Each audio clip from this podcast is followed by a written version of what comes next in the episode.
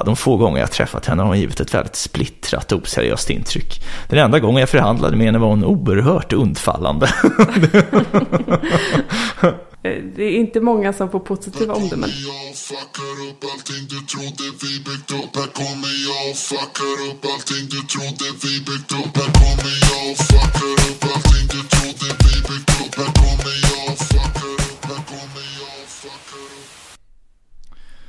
Hej och välkomna till ännu ett avsnitt av podcasten Om och Men där vi reder ut det ni tycker är krångligt och krånglar till det ni trodde redan var utrett. Med mig Vincent Flink Gamlenäs. Och med mig Beatrice Erkers. Ehm, ja men eh, jag, jag tar lead Vincent. Va, vad har hänt sen senast? Ehm, oj vad förvirrad jag blir nu. Jag bara byter rollen och så här, "Åh, vad ska jag göra? Åh, Gud, allting upp och ner. Ja, nej men, ehm, ja du, vad har jag gjort? Alltså jag har börjat kolla på eh, Sveriges Mästerkock. Oj! Um, toppenprogram. Dock, alltså jag var tvungen att eh, verkligen fundera för att komma ihåg vad det nu hette nu igen. För att eh, jag säger fel hela tiden. Va, vad säger du då? Ehm, jag har till exempel kallat det mat vid första ögonkastet. Eh, för att jag blandade ihop det med gift vid första ögonkastet. Eh, men vanligtvis kallade jag, kallar jag det bara för kocken, eller mästerkocken. Eh, det är lite bättre då, än mat vid första ögonkastet. Men, ja, men jag tycker det är kul. Jag kan tipsa om det. Va, vänta, men det heter Mästerkocken. Nej, Det heter Sveriges Mästerkock. Sveriges Mästerkock. Okej, eller, ja. eller den svenska mäster... Okej, alltså jag, ärligt talat, jag vet, jag vet inte vad det här programmet heter. Allt jag vet är att det är sevärt. Eh, Okej, vad händer i Sveriges Mästerkock just nu då? Uh, ja men det är, alltså, det- är olika amatörkockar som det kallas. Alltså vanliga människor som lagar mat som alla gör, men Ja. inte jobbar med det. Väldigt Ja. töntigt ord tycker jag. Um, det andra betyder ju att man inte är kock då. Um, de, de tävlar om att vinna typ så här 200 000 och ett kontrakt på en kokbok och då blir de kända liksom. Um, och de lagar mat och sen är det en jury bestående av två stjärnkockar och en extremt förvirrad och omöjligt gammal sommelier som inte tillför någonting. Uh, och det är de uh, tre juryn. Och det är ganska kul deras dynamik så här, för att hon är så här typ när, uh, när hon är först med att säga vad hon tycker, då håller de aldrig med henne så här. Uh, och när de andra är först, då är det hon som att hon bara upprepar deras åsikter så här. Så hon åker alltid så här snålskjuts liksom. Det är ganska kul. Pin. Ja, ganska pin faktiskt.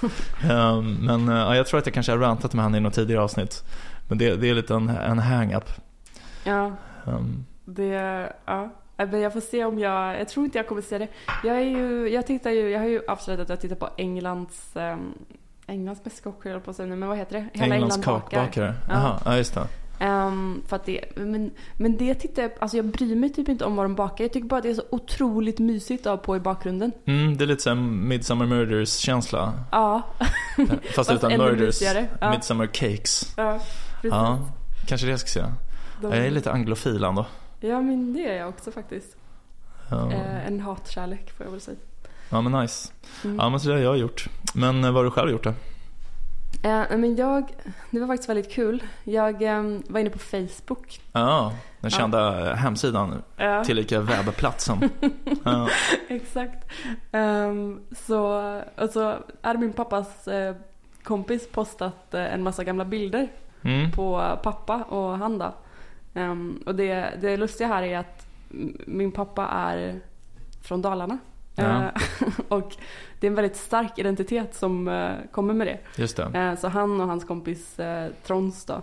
Mm. De har så konstiga namn i Dalarna. Ja, det var alltså, konstigt. Så Trons, Mm. eh, det här, okej det här är några av pappas kompisars namn. Trons, Mm. Teppen, Oj. Beans. Oj, det blev konstigare och konstigare. Ja, alltså det, ehm, Beans. Det är Ja. bin, genitiv form av bin. Beans. Beans. Ja.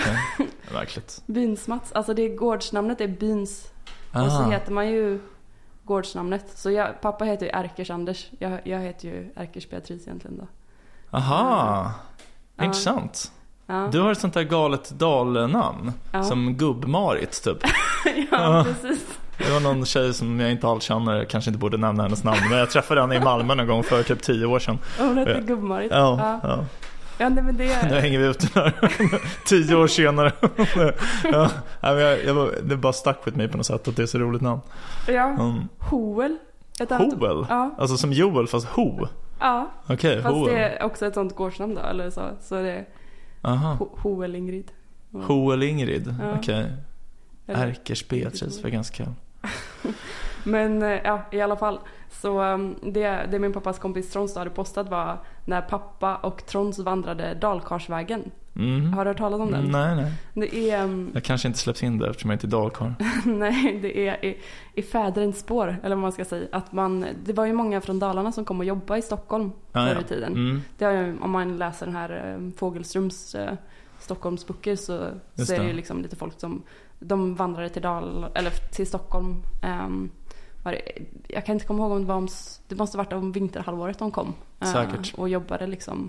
eh, för att det fanns inga jobb på det sättet i, Mm. i Dalarna.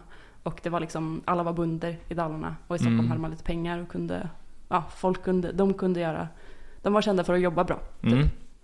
Eh, och då var det ju en, en särskild stig som de vandrade hela tiden. Ah, ja. Eh, så det var den vägen som pappa och Trons då gick för första gången på liksom, att den inte hade gått på väldigt, väldigt länge. Så det tog så här sju dagar att gå Mhm. från, från där de började, jag tror det var i Falun, till, till Stockholm då. Okej. Ehm, och det var lite kul för det var liksom ett stort ståhej kring det. De, ehm, de skulle ha, jag, jag kommer ihåg det för jag var liten när det hände liksom. De gick, det finns ju Dalagatan här i Vasastan. Ehm, och det var för att det var där folk, det var dit man kom liksom och gick upp för när man gick Dalkarsvägen. Mm. Ehm, och Astrid Lindgren, Lindgren bodde ju där på Dalagatan. Ehm, så de skulle så här träffa henne när de Mm. anlände. Och eh, de, de gick och satte sig på någon pub där nedanför. Eh, och så skulle Astrid komma. Men tydligen så, det här var ju när hon var 90 plus säkert eller någonting. Så då, ja hon var, hon var sjuk och orkade inte komma ner. Ja. Men, eh, men det var kul för det, han hade postat en gammal bild där jag ser så här pappa som står och håller en dalkarsflagga eh, bredvid Ulf Adelsson. Jaha, den gamla räven. ja, som var så här landskapshövding eller vad det heter tror jag. Eller något sånt. Aha. Ehm, landshövding i Stockholm var han. Ah, Okej, ja. Ja, Alltså den gamla M-ledaren. ja precis. Han Ja. var ju ja, precis, också ledare för Moderaterna ehm, ett tag. Och han, han har nog varit någon- någon minister också och sådär. Ja, det måste han rimligtvis ha varit. Mm, Mm. ko- kommunikationsminister. Ja. Um, säger jag att han har varit. Eh, ja, nej men det var, jag vet inte, det var bara som så här. Du vet, man var liten och inte så här.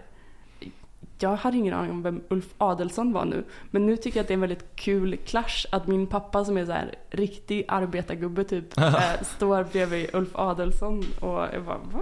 What, what's this? Nej, det var kul. Ja, det är askul. Mm. Ja, men fan den där dalstigen, den borde man ta någon gång. Jag har faktiskt gått lite, en del av den. Är det sant? Ja, när jag var liten. Coolt. Så det var man tvungen att göra. Um, ja, jag kan recommend. För att passa in med gubb-Marit i gänget. ja, precis. Annars blir man inte insläppt. Ja, det låter hårt. Det är hårt där uppe. Gubb-Marit var ju ovanligt kul namn faktiskt. Ja, det var speciellt. Ja, Um, ja. Ja, nej. Men just det, men så det jag skulle, det är en ganska bra segway tänker jag i och för sig. Ulf Adelsson. Ja. Från, från Uffe till Göran. Exakt. Eh, exakt. Dagens ämne är då Göran Persson, den store ledaren. Om vilken en dokumentär har eh, filmats. Den som vi store, har sett. den store, store ledaren. Ja, mycket stor. Ja. En omfångsrik herre. Ja. Ehm, Men vi, vi har då sett eh, Ordförande Persson. Ja. En lysande dokumentärfilm i fyra delar. Som sändes på SVT. Den kom 2007. Och det här är tredje gången jag ser den. Jag älskar den här filmen. Alltså jag kan tipsa alla om det här. Eh, vad tycker du? Det är första gången du ser den antar jag? Eh, Ja, det är det. Mm. Eh, Men jag har ju hört eh, dig bland annat hypa den väldigt mycket. Ja. Och ehm, när, när man har umgåtts i politikkretsar Mm. så, så märker man att den har varit kult. Liksom. Mm, Det är en lite sån- så. Ehm, du, ja, du, jag, jag hör dig säga citat, alltså jag känner igen massa citat från den. typ det här med Carl Bildt och det där. Ja, tycker synd om killen. Ja. Ja. Ehm, När han står på isen tillsammans med honom. ja, Han står mitt ute i ingenstans, mitt på isen och bara snackar skit om sin politiska rival. Det är jävligt bra alltså. Ja, för, för det den... ehm, ja, men som, som den blev till var ju att Erik Fichtelius Mm. ehm, hade gjort liksom någon sorts deal med Göran Persson att eh, eh, han var en anonym källa Mm. och ehm, de, han filmade under typ hela Perssons eh, statsministertid som var ju tio år liksom från eh, 96 till 2006 tror jag. Ehm, och eh, lovade att inte släppa det förrän efter, efter eh, Persson var antingen hade gått av som ordförande eller för Socialdemokraterna eller slutat vara statsminister. Mm. Just så att det inte skulle påverka liksom eh, att Persson behövde censurera sig själv för att vinna nästa val eller sådär. Nej, just det. Ehm, Ja, det är jävligt smart alltså. Du hade en bok liggande så här på bordet som var skriven av honom, eller hur? Precis, precis. Jag, så jag kollade i den. Eh, Äkta nyheter av Erik Fichtelius. Han Aha. skriver ju en hel del eh, om Persson. Han skriver ju mycket av de här scoop-citaten eller vad man säger. Ja. Ehm, som, men jag, jag är ju inget kul på att läsa. Du skulle ju låta mer som, du kan ju härma Persson mer. Nej, Men, fan. men det är olika sågningar. Det, han sågar Carl Bildt, han sågar Mona Sahlin, han sågar Helmut Kohl. Ja, jag vill inte bli apan i Europa. Det är det som står. Sen började han äta Ja, det- smör. Precis, han, Ja. han pratar om, eh, alltså han pratar så himla konstigt typ så här. Pratar om den enorma kroppshyddan. Ja. Hävs upp och ner i någon slags andhämtning. Alltså så, här, så att Mm. Helmut Kohl som, han var förbundskansler för Tyskland då, ska vi kanske säga. Mm. Att han bara satt och hävde i sig smör för att lugna ner sig. Ja. Men att han sen, han blev för lugn, då hade han förhandlat bort allt helt plötsligt. Säger han så här, han hade gått med på en uppgörelse mellan Storbritannien och Nederländerna som var all, till alldeles för stor nackdel för Tyskland. För att han ätit för mycket smör, så han har blivit för dåsig så här. Han är så elak liksom, Göran Persson. Ja, jätteelak. Alltså, den här dokumentären är ju egentligen bara olika klipp där han förnedrar människor i sin närhet. Alltså nära kollegor, bundsförvanter som han sitter och baktalar liksom. ja. och, och, och hyllar vissa eh, knäppisar. Typ kungen verkar han ha en svag punkt för. Alltså på ett sätt, åtminstone de här senare klippen liksom med Brunei-affären och så här, men alltså samtidigt, han använder lite sin go-to härskarteknik, åtminstone i början med kungen, och det är att liksom ge en komplimang som egentligen är en förolämpning. Han säger till exempel om kungen så här bara, jag är imponerad. Jag har sett honom sedan 89, det är sju år vid det här laget. Han har blivit allt säkrare i sin roll, han, han sliter, han jobbar hårt. Han har inte språkets gåva på det sätt som en professionell politiker har, men han jobbar mycket hårt och för det respekterar jag honom faktiskt. Så det är, liksom, det är en komplimang, men det är samtidigt att han förminskar honom och säger att han är dum liksom. Ja. Han jobbar väldigt mycket med det där, eller hur? Ja, nej men verkligen. Det är, för det var som eh, om Kim, Kim Jong-Il. Ja. Så säger han också, det, ja, jag vet inte, vill du säga? Nej men alltså jag kan säga, för, för det, det, det han säger om King Jong-Il, det är ju en härskarteknik som är helt unik för Göran Persson.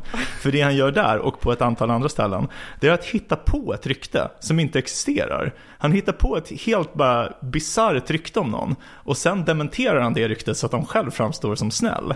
Alltså det han säger om, om, eh, om Kim Jong-Il, först säger han så här, ja, och in kommer en farbror, en liten farbror, på ganska höga klackar. Så att han är kort. Och sen säger han så här bara, ja men jag märkte ändå att han, han hade ändå koll på det han pratade om. Han verkade vara en seriös aktör. Och det här snacket om att det skulle vara en person som inte är vid sina sinnens fulla bruk. En eh, neddrogad porrknutte. Det kan man bara lägga åt sidan. det här snack, det finns ju inget sånt snack. Det är ju han som har hittat på det. Det är ju Göran Persson som hittar på det liksom. Alltså en neddrogad porrknutte. Ja, det är så verkligen- bisarrt. Det är klart, du, när var senast du hörde att Kim Jong-Il var en neddrogad porrknutte liksom? Det, så, det, det här är inte rykten som finns på riktigt. Han hittar ju bara på det för att förnedra honom. Men sen Ja. vågar han inte förolämpa öppet, utan han drar tillbaka det och säger att det inte stämmer. Ja. Nej men precis. Du, du pratar ju ofta om det här med hur han dissade Maud Olofsson också väl?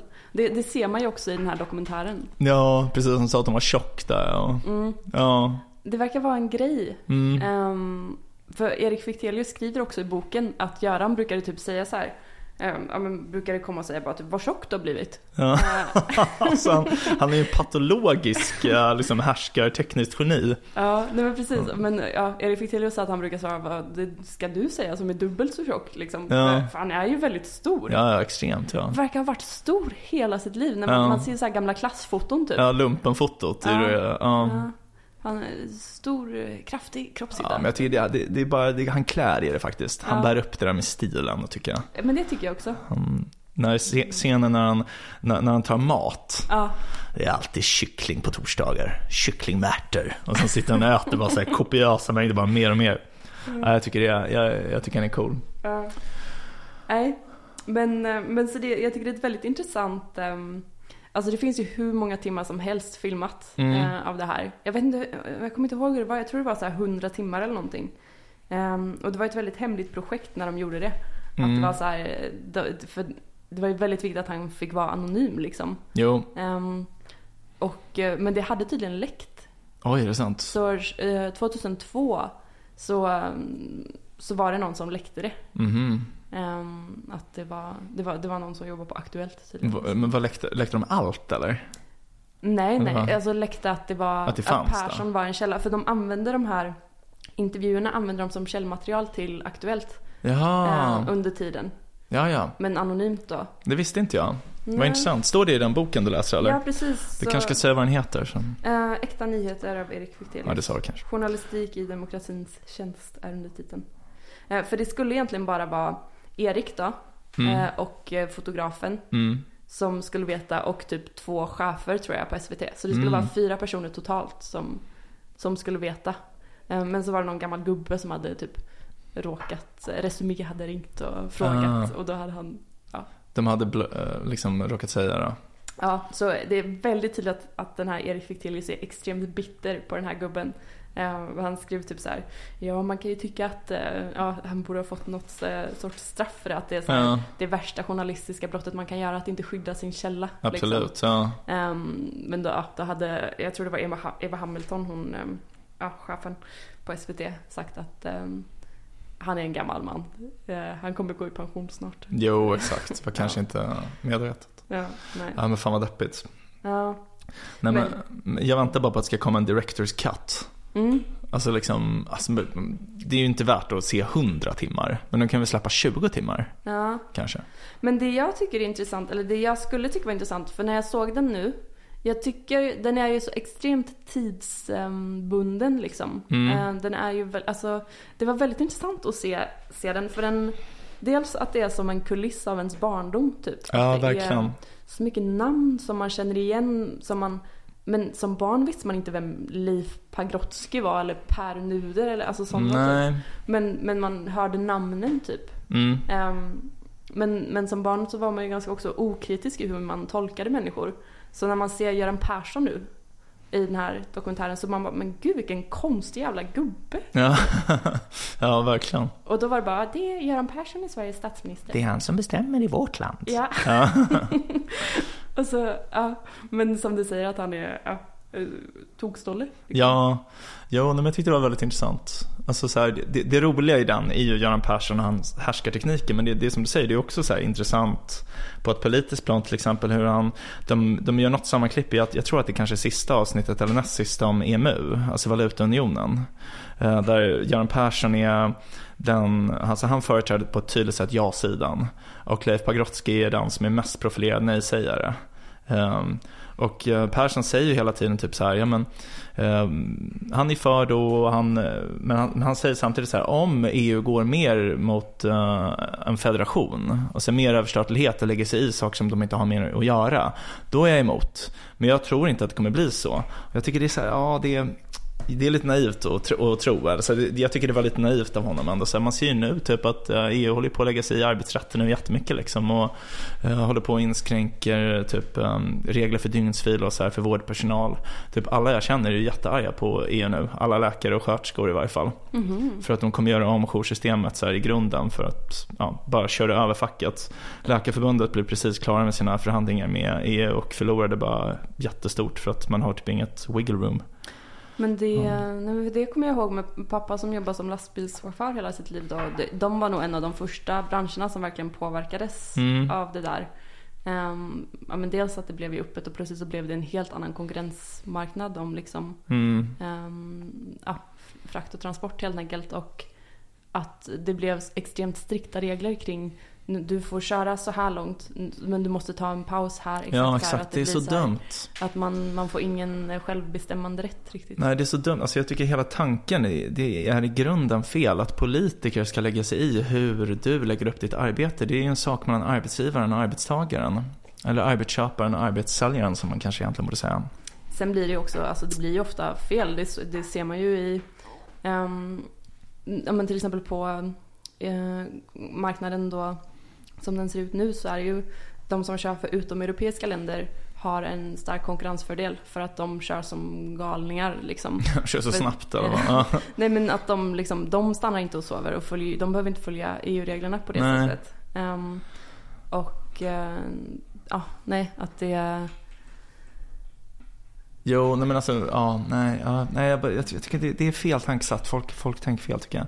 Men alltså, jag förstår ju vad, hur det kan ha blivit så att man värnar om arbetares villkor och så. Det, det förstår jag. Men alltså, när, det, när det människor är så här att nej, men jag vill hellre göra så här. Jag vill hellre jobba tre dagar i sträck. Så här, var, var, varför kan man inte då låta dem göra det? Varför måste man då tvinga på dem de här villkoren som man själv uppfattar som bättre? Alltså det blir liksom, någon måtta får det väl ändå vara, tycker jag. Men, Ja, nej, alltså, men jag antar att tankesättet där kommer ifrån att, ja men dels till exempel om du kör lastbil så utsätter du inte bara dig själv för risk liksom, om Nej. du inte har sovit på tre dagar. Eh, likadant om du är läkare, tänker jag. Men, men som sagt, jag tycker ju, eller jag har ju hört att många upplever det som väldigt negativt. Eh, Mm. Så, och, och jag skulle bli jätteirriterad om någon sa nej du får inte jobba som du vill. mm. För jag, jag är ju inte påverkad. Nej, men alltså man skulle ju ändå vilja ha några bra data på det då. Typ att det blir fler vanvårdsfall när någon har jobbat mer än åtta timmar i sträck då som är max nu. Alltså Mm. fine om du jobbar liksom två dygn i sträck. Det är ju Mm. ändå lite så här. I stora delar av världen är det ju liksom mer regel än undantag att man har 10-12 timmars dagar. Mm. Det är inte som att bara alla dör då för att det är trafikolyckor överallt och läkarna liksom bara förstör. Nej. Ja, ja, nej men fine, det här är en annan diskussion. Eh, Men jag bara tänkte på det när jag såg den här, eh, ja, den här dokumentären att Göran Persson byter liksom eh, åsikter med mig mitt i. Att, Mm. ja, tyckte det var ett intressant steg liksom, i synen på EU. ja men det gör han. Så, Ja, nej men, men överlag så, eh, jag kom nog aldrig till den poängen riktigt Mm. men jag skulle säga just att det var, för mig var det lite svårt att hänga med mm, eh, i händelserna för att det var, det var en sån tidsbunden kontext eh, Mm. i allt och det var så här, oj nu händer det här och eh, jag fattar inte vad det var liksom men, men att det var tydligen en jättestor händelse mm. då. Ehm, Typ Irakkriget eller? Ja, ja alltså, men det hade jag väl någorlunda koll på i och Mm. för sig. Men, men det var många andra grejer. Mer, ehm, nu kommer jag inte på någonting. Men eh, inte, inte Irakkriget eller Anna Lindh Mm. liksom. För de kommer jag ihåg från när jag var liten. Utan det var väl mer, Den där sväng, svenskan som var fängslad på Guantanamo och Precis, så här, det. sådana. Ja. Ja. Mehdi Vanvetta. ja. Ja, så det var ganska kul för jag tycker att så här, hela stämningen i filmen är ju typ att Göran Persson träffar någon, antingen svensk politiker, motståndare eller typ någon så här internationell big shot som typ George Bush. Eh, och då är det så här att han använder sina härskartekniker i synken, alltså typ som mot George Bush säger han så här bara Ja, alltså det är ju, han kör samma grej som mot Kim Jong-Il och så här bara, ja, nej men alltså det, det här med att man säger att uh, han är ett puck och att eh, han är inte en seriös person och så här, det, det där är ju inte sant. Han är en person som vet precis vad han vill, han är handlingskraftig. Problemet är bara att han vill alldeles fel saker och så här, ja, Ja. förnedra George Bush liksom. Men sen när han väl träffar George Bush, då märker man att han inte är lika cool så här. Då Mm. sitter han liksom i hörnet och är helt tyst och det är bara George Bush som pratar på med sin jävla Texas-dialekt. Mm. Nej Så- men det är sant, det är sant. Så han är, jag tror han är lite så stor i orden, liten på jorden ändå, liksom. alltså, åtminstone i så internationella sammanhang. Mm. Ehm, jag tror inte att det, han smäller nog inte så högt egentligen, tror jag. I EU-sammanhang eller liksom i, när han pratar med Bush typ. Ja. Nej. Det vet jag inte. Men han känns ju mer karismatisk än till exempel Ulf Kristersson liksom. Jo, verkligen. Det blir han ju. Det är en annan sorts ledare ändå. Mm. Ja, man bryr sig inte så mycket om Ulf Kristersson. Verkligen inte. Jag har liksom inte så mycket att säga om honom egentligen. Men han är där och han, jag antar att han gör ett bra jobb. Han existerar. Ja, Ehm, exakt. Ja. Nej, men eh, jag tyckte också det var annorlunda att se att det var ett sånt annorlunda Sverige på något sätt. Eller det kändes liksom annorlunda. Mm. Eh, Att det var ett mycket mindre. Ja, alltså precis. För att vi tänker ju typ att Göran Persson var som, eller åtminstone jag tänker att han var så den sista stora politikern typ. Mm. Eh, Eller så här karismatisk sådär. Men han var ju, alltså det är mycket, man får tänka typ att det det är säkert mycket hans ansvar att sossarna är så små som de är nu. Mm. För att alltså, Socialdemokraterna har ju liksom fullkomligt dominerat svensk politik sedan typ sekelskiftet. Mm. Det var ju liksom under vår barndom som det började bli så här, ja nej men nej, nu är det inte längre bara ett undantag att, att eh, det blir en borgerlig regering. Utan nu är det så här, ja det är ju typ som i USA liksom, det kan gå lite hur som helst. Men hur, hur eh, skulle det kunna vara Görans fel? För jag tänker att det är en trend som man ser i typ alla länder i Europa. Att Socialdemokraterna går tillbaka. Ja, eller de mm, status quo-partierna. Att det inte längre är, det har varit eh, ofta Mm. eh, två väldigt tydliga block. Och Mm. det är inte det längre. Det är ofta socialdemokrater och kristdemokrater liksom i Ja. eh, Europa. Ja, nej men alltså så här, ansvar, ansvar. Det är svårt att veta vad som hade hänt om någon annan hade varit statsminister. Men jag menar, det var ju ändå under hans tid som den här liksom, migrationen från Socialdemokraterna till andra partier ägde rum. Mm. Sen är det svårt att säga liksom, eh, vad det beror på. Alltså jag menar, även om det sker i alla länder i Europa så det sker det ju i varje land av någon anledning. Ja, nej absolut. Alltså så här, det är inte trenden som är orsaken. Nej, nej. Men, Nej, det är sant. Men ehm, det var förresten intressant. Jag ehm, träffade en person häromveckan som um, berättade att han var med i ett eh, europeiskt parti som Aha. hette Volt. Har du hört talas om det? nej, nej. Det är alltså ett europeiskt parti som liksom försöker genomföra, alltså att man har samma politik i, i de olika länderna. Alltså samma Mm. eh, agenda, eller vad man ska säga, eh, som de försöker få in i liksom olika länder. Ja, men eh, vänta, är det den här greken? Eh, finansministern i Syriza. Han som fick gå, alltså Giannis Varoufakis heter han. det har jag ingen aning om. Jag tror kanske att det är han. Jag har eh, gammal kompis som jag pluggar filosofi med som tipsar mig om det här. Men det låter som något typiskt jag inte skulle tycka om. Vad hette han sa du? Giannis Varoufakis. Ja, nej, jag vet inte. Ah, ja, okej. Ehm, det, det här verkar vara, liksom, jag tror det har funnits ett tag liksom. Eh, och att det, ja, man försöker ena Europa ännu mer på något Ja, sätt. ha överstatlighet liksom. Mm, ja, mm, ja, jag vet inte riktigt vad jag, jag vill nog läsa på mer innan jag, Ja, när du säger något om det. ja. Ja, men eh, några fler härskartekniker kanske. Ja, Ehm, spill. han, till exempel så ehm, har han en finansminister som heter Erik Åsbrink. Mm, som är med i, eh, i filmen. Och han, eh, alltså han baktalar Erik Åsbrink extremt mycket. Han går ut och fördömer Erik Åsbrinks eh, politik och säger liksom att han är mer eller mindre inkompetent. Liksom. Eh, och så här undergräver hans arbete. Liksom. mm, Eh, Och då avgår Erik Åsbrink och säger så här, ja men det verkar som att regeringen inte har förtroende för mig så att jag avgår. En helt rimlig reaktion av Erik Åsbrink ändå tycker jag. Så här, säg att din chef går ut offentligt och snackar skit om dig, säger att du inte kan ditt jobb. Så här, och du slutar, det är en helt rimlig reaktion liksom. ja, Men då svarar, då svarar Göran Persson så här. Ja, jag tycker det var oschysst. Det var oschysst av honom att det visar på eh, brist på lojalitet och ett stort svek från hans sida. Det är så sjukt alltså. Han lägger det på honom. ja. Alltså Sveriges sämsta chef genom tiderna. Hon, Ja, nej, men det, det är nog sant. Det, eh, det, det är ju det som är lite lustigt, att han är väldigt, väldigt osympatisk som vi har påpekat nu många Ja. gånger. Men man tycker om honom. ja men alltså jag, grejen är att jag tror, jag snackade med en kollega om det här häromdagen. För att Ja. jag kollade på eh, delar av den här dokumentären på jobbet. Ja. Eh, Och jag tror att människor i allmänhet älskar män som använder härskartekniker. Jaha. Så länge du själv inte är drabbad. Ja. Alltså, liksom, jag har fler exempel. Till exempel eh, Leif GW Persson. Ja. Härskartekniker, hela tiden härskartekniker, aldrig någon argumentation, bara förolämpningar ad hominem hela tiden liksom. Folk älskar honom. Han är en av de mest omtyckta personerna i svensk offentlighet. Hörde du om vad som hade hänt nu på den här eh, rättegången om eh, Nej, Tove-mordet eller någonting sånt? nej, nej. Ehm, jo, men han har fått någon sorts varning för han hade tydligen För han är så elak eller? Han hade suttit med i eh, rättssalen liksom. ehm, Och, ehm, och så hade han suttit och liksom mumlat väldigt mycket och typ sagt att ja, det där stämmer inte. Alltså du, du vet, uttalat sig liksom. Ja, sin fula tweedväst. Ja, så hade han fått någon sorts varning. Mm. Um, att, så- alltså så här, du, du får inte vara med, sitta med här, du kan inte sitta och kommentera liksom.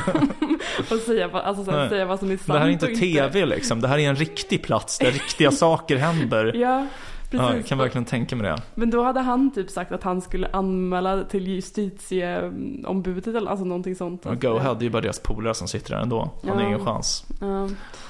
Ja, nej, men det var i alla fall, jag bara, men gud vad är det? Alltså så här, man har sån hög tilltro till... eh, Ja, bara, men det är så här, riktiga knäppjökar. Alltså så här, jag tror till och med att folk tycker att det är viktigare att ha en självsäker man som använder härskartekniker än att ha någon som svarar på frågor är pedagogisk. Alltså, till exempel, kommer du ihåg Johan Giesecke? Mm.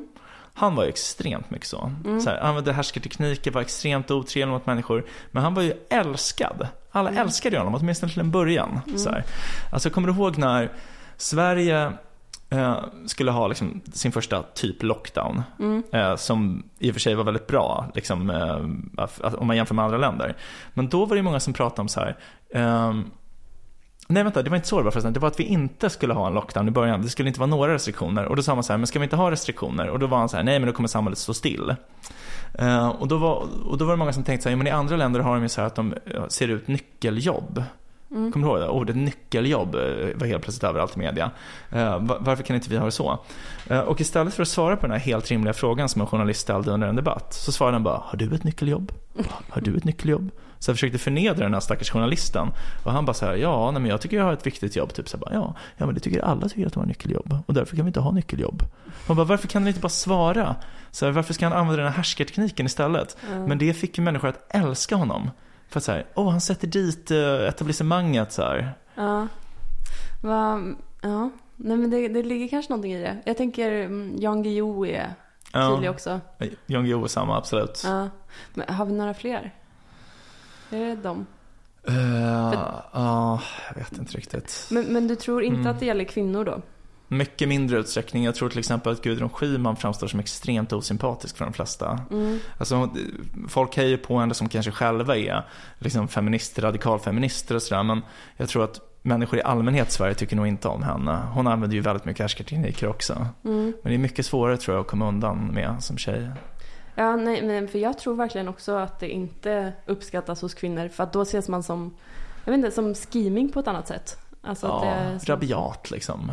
Ja. Ja, Jag tror, ja, jag tror det. Det är svårare att göra charmigt liksom. ja, av någon anledning. Ja, nej men det är Men- väl sexism liksom, Ja. eller jag vet inte. Det är, Göran, Göran gillar ju inte heller Gudrun. nej, nej precis. Han, eh, vad fan är det han säger om henne? Han, för det första så kallar han ju Vänsterpartiet, eller tokfransarna som jag kallar dem. det är också ord man använder när man pratar med barn. Ja. Men hon så Han säger så här. Ja, de få gånger jag träffat henne har hon givit ett väldigt splittrat och oseriöst intryck. Den enda gången jag förhandlade med henne var hon oerhört undfallande. ja, det var lite kul.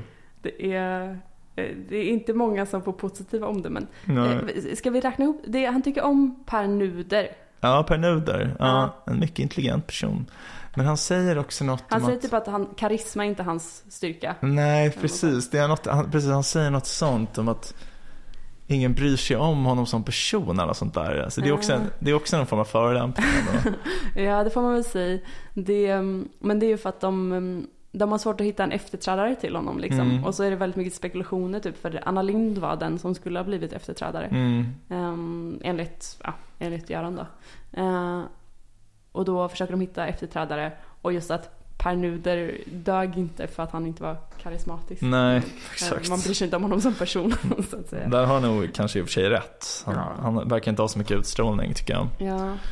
Han, Men för, för mig så, det jag kan komma ihåg att han uttalar sig positivt är om hon som blir hans fru, Anit, Anitra Sten. ja, precis. Han är ju väldigt kär i henne märker man. Ja, det är väldigt gulligt. Ja, väldigt. Verkligen. Väldigt gulligt. Det det är väldigt gulligt med så här tjocka små par. Ja, men hon är hon tjock? Hon är väl bara en Nej, tant men, typ? men de är båda lite runda liksom. Ja, jo lite. Jo. Och så ser de så glada ut och så går de och äter glass. Ja, man märker att de verkligen trivs ihop liksom. Ja, Ja, men det är sant. Och kanske kungen också då. ja kungen. I viss utsträckning. Mm, Ja, åtminstone. mm. Men annars är han ganska hård. Så han uh, snackar väldigt mycket skit om Miljöpartiet också. Mm, De verkar han hata nästan ännu mer än vänstern. mm. Han säger att de är stöddiga, de är otrevliga, de smäller i dörrar. Och de ljuger om oss. Säger att vi är arroganta och inte ger dem tillräckligt med stöd. Just Ja. det, smäller i dörrar. Ja. Det, är- ja, det är också ett konstigt Ja.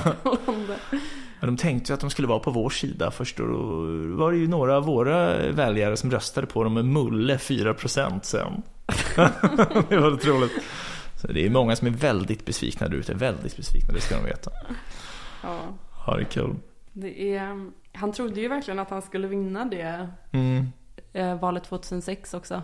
Jo, Eh, han sa ju det typ i dokumentären att han bara, jag fick en känsla häromdagen. Typ, Ja. att, eh, att vi vinner det här. ja, framförallt för att högern är så jävla dåliga. Ja. och det säger han ju om Reinfeldt. Det är väldigt väntat att han sågar Reinfeldt. Ja, Och han tycker Reinfeldt är, ja, det här med att de kallar honom tvålen. ja exakt. Man får inte grepp om honom. Ja, men det tycker jag, de första klippen där man verkligen tänkt så här, ja men här förlorar nog ändå Göran Persson.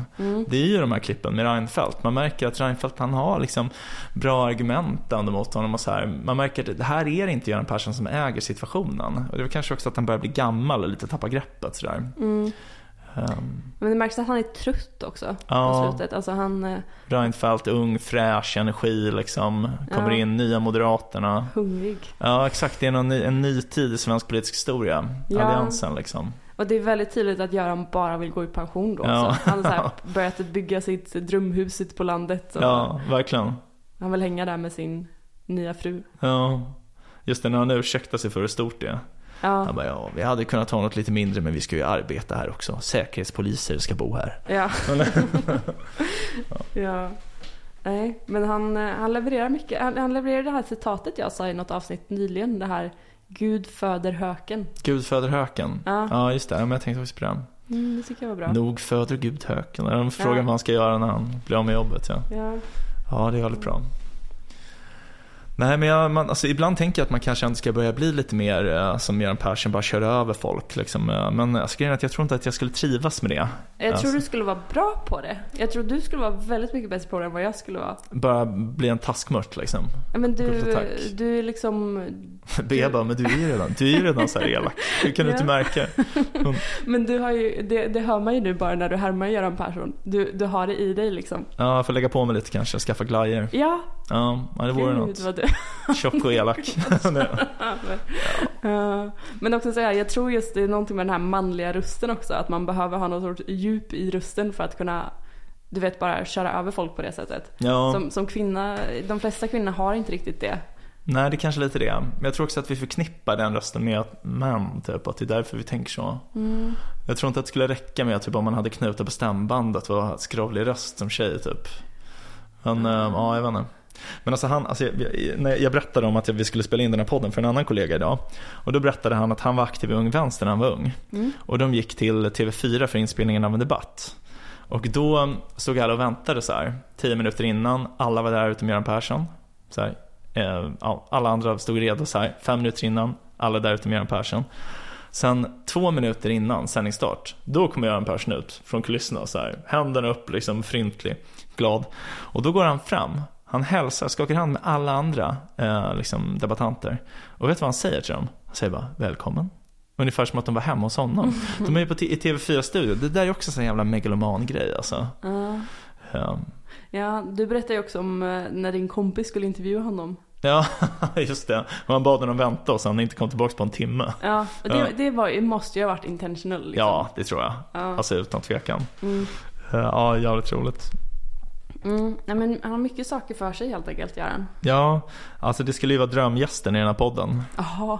Få liksom, att han liksom konfrontera honom med alla de här härskarteknikerna som kommer fram med ordförande Persson. Alltså typ som han, när han säger om Boris Jeltsin. Ja. Som är på statsbesök som är så här, det är liksom världens, en av världens absolut mäktigaste män som är i Sverige. En stor heder för Sverige och för Göran Persson som Sveriges statsminister så här.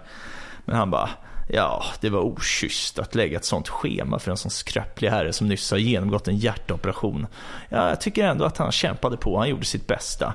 Eh, han, men man fick ändå känslan av att han knuffades framåt av de grå eminenserna. Va, men jag tycker också det var sjukt att se den. ehm, Man såg ju statsbesöket lite när Boris Jeltsin var här. Ja. Han såg ju ut som att han skulle gå sönder typ. Jo, alltså han var sjuk, men det är, så här, det är en så sjuk grej att säga. Så här, det är inte... Man säger, man säger så här, ja men han var en trevlig person och det, vi, vi är ärade att kunna ha honom här på besök. Och så här, det, det skulle man ju själv ha sagt liksom. Ja, ja kanske det. det ehm, hånar någon för att den är gammal. Det känns så här, jag jag inte, jättekonstigt att göra tycker jag. Men Ja, nej, men det, mm, det är kanske det som krävs för att bli ordförande. ja, exakt. Ja, jag får jobba, jobba på rollen när man ska bli statsminister. Det är Ja. nog inte så stor risk tror jag. Men... Jag tycker det är väldigt spännande. Eller jag, jag em, insåg det väldigt nyligen det här med vilken stark ungdomspolitikskultur vi har i Sverige. Mm. Och hur att det är någonting med att det är sån extremt hög andel av de som är engagerade i ungdomspolitik som sen faktiskt blir liksom makthavare i Jo. Sverige. Och att det tydligen skiljer sig väldigt mycket från andra länder liksom. Jaha, det visste inte jag. Vad intressant. Mm. Men för i andra länder så förstår jag det som att det är mer eh, en karriärsgrej som man gör, ett karriärsval man gör som vuxen liksom. Mhm. Medan ja, här så är det liksom ofta de som redan som tonåringar typ engagerar sig i ungdomsförbunden som blir liksom statsminister. Ja, vad intressant. Mm. Ja, jag har i och för sig hört att i Storbritannien så är det typ eh, om man läser det här PPE på Mm. Oxford eller Cambridge så är det typ så här.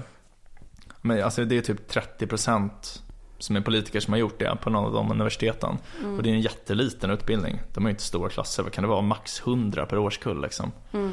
Så då, det är ändå en god chans då att bli politiker. Mm.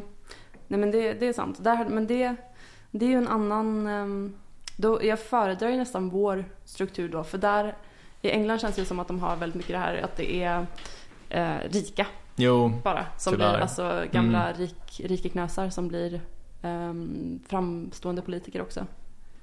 Verkligen. Eh, Ja, nej men eh, det är ett eh, benhårt klassamhälle, Storbritannien. ja. Men jag hade inte haft något emot att studera på Oxford, Nej, tvärtom. inte jag heller. Ja, jag, jag ska ju dit nu.